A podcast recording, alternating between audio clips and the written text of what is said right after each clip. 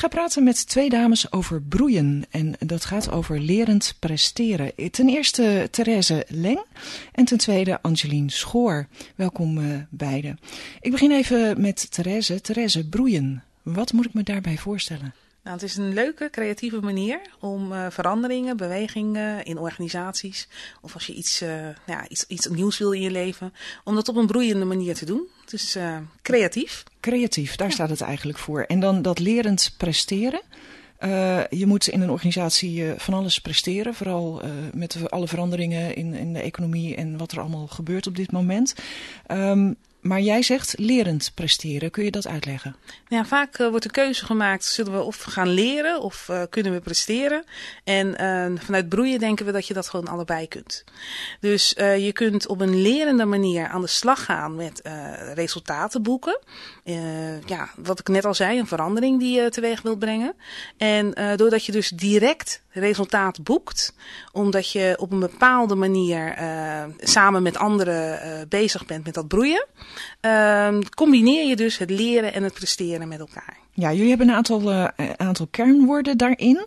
Dat is verbijzonderen, verwonderen, verkennen en vervlechten. Heb ik ja, ze zo goed? Klopt. Ja. Zullen ze één voor één even afgaan? Dat je daar wat, wat voorbeelden bij geeft. Ja. Dat ik me er iets bij kan voorstellen. Want het zijn vrij abstracte uh, woorden als je ze alleen maar hoort natuurlijk. Uh, zal ik dat aan jou vragen of wil Angeline nou, het woord doen? Ik nog maar even vertellen. ik ga straks al wat over wat ik aan, als, als medebroeier inbreng. Wat jij als medebroeier ja. inbrengt. Goed, dan beginnen we even bij verbijzonderen. Wat moet ik me daarbij voorstellen, Therese? Verbijzonderen gaat over je professionele identiteit. Dus wie wil je zijn als professional? Waar sta je voor? Wat vind je belangrijk? Wat zijn je persoonlijke normen en je waarden? En op het moment dat je dus start met het verbijzonderen, bij het, uh, als onderdeel van het broeien, dan uh, ga je dus ook echt op zoek naar, ja, wat uh, kunnen we met elkaar, als we alle kennis en ervaringen optellen, realiseren. Dus verbijzonderen gaat ervan uit dat je eerst even naar jezelf kijkt en vervolgens ook de verbinding maakt met anderen. Dus je bent bijzonder, je hebt je eigen kwaliteiten en die verbind je met anderen, zodat je, iedereen heeft zijn eigen kwaliteiten die vaak anders zijn, zodat je, als je ze verbindt tot een groter geheel komt eigenlijk. Dat is ja, wat je... dat is uiteindelijk waar je naartoe werkt. Uh, je hebt uh, het verbijzonderen. En uh, vervolgens dan uh, komt er een andere fase waarbij je gaat verwonderen. En oh, ik, liep al, ik liep al te ja. ver vooruit. dat maakt niet uit. Ik denk ik neem even alle veetjes uh, door. Ja? het verwonderen dat gaat heel erg over... Nou ja, er zijn bepaalde situaties. Stel dat in een project nou, er iets niet helemaal goed is gelopen. Dan kun je zeggen we gaan evalueren. En dat doe je dan vaak vanuit een standaardmethodiek. Maar wat wij zeggen is we gaan gewoon even naar je gevoel, jouw perceptie, jouw beleving. Wat heb jij op dat moment gezien? Waardoor je dacht van, oh, dit gaat even niet goed. Of nou ja, dat vond je eigenlijk wel uh, goed.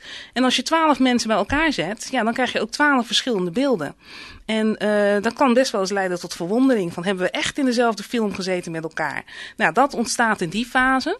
En van daaruit kun je dan dat ook gaan verbinden. Die verschillende percepties die er zijn. Van uh, we hebben dit allemaal nu waargenomen. Ja, we verbazen ons ergens over. Maar we weten ook wel dat we ergens anders naartoe willen werken. En we gaan nu verbinden onze talenten, onze inzichten. En uh, als we dat gedaan hebben, ja, dan laten we het daar niet bij.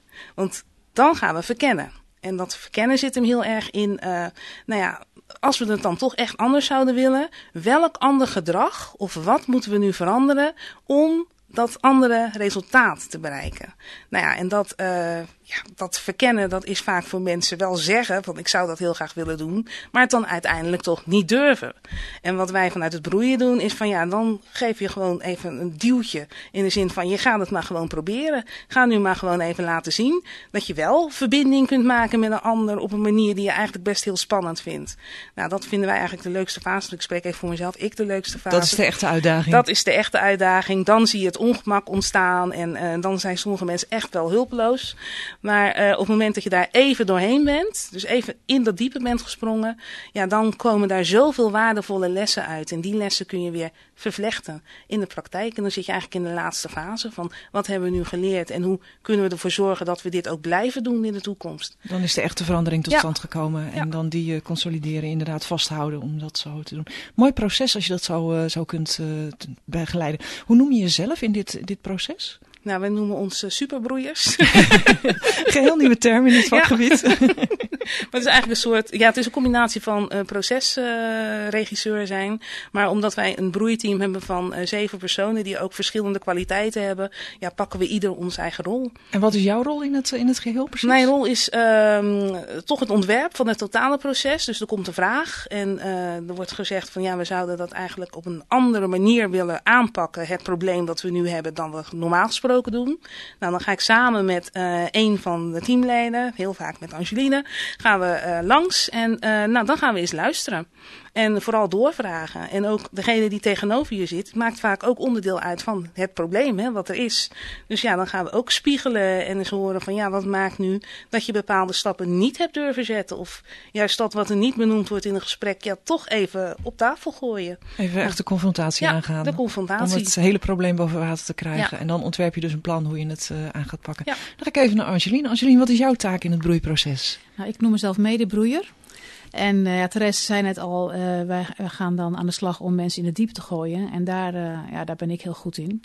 Want ik haal mensen uit een comfortzone. Met mijn aanpak ga ik mensen op een hele andere manier benaderen. Ik ben muzikant naast coach en trainer.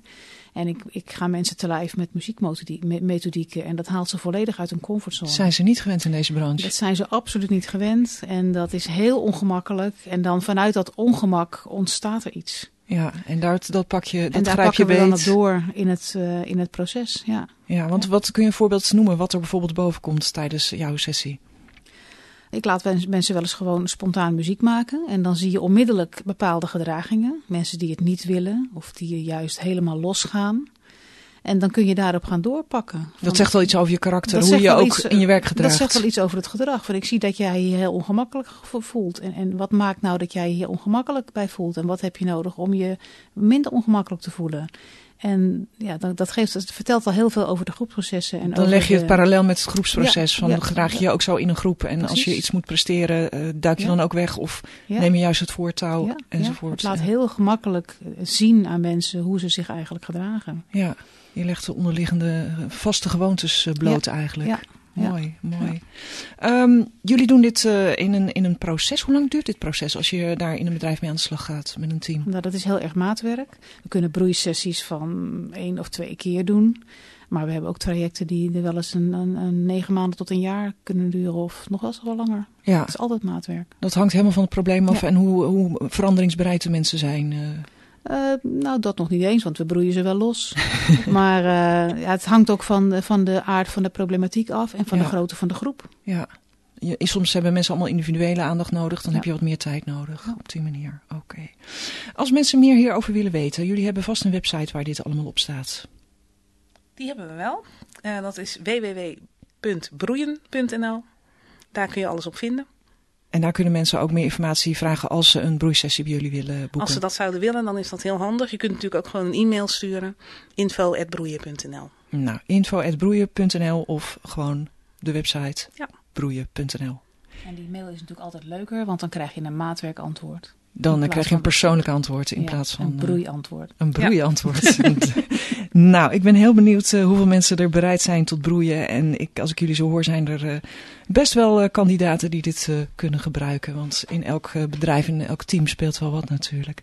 Ik sprak over broeien, lerend presteren. En dat deed ik met Angeline Schoor namens Da Capo Coaching en Therese Leng. Zij is trainer en organisatierechercheur bij Sumo. Zeg ik dat goed? Dat zeg je helemaal goed. Ja. Dankjewel.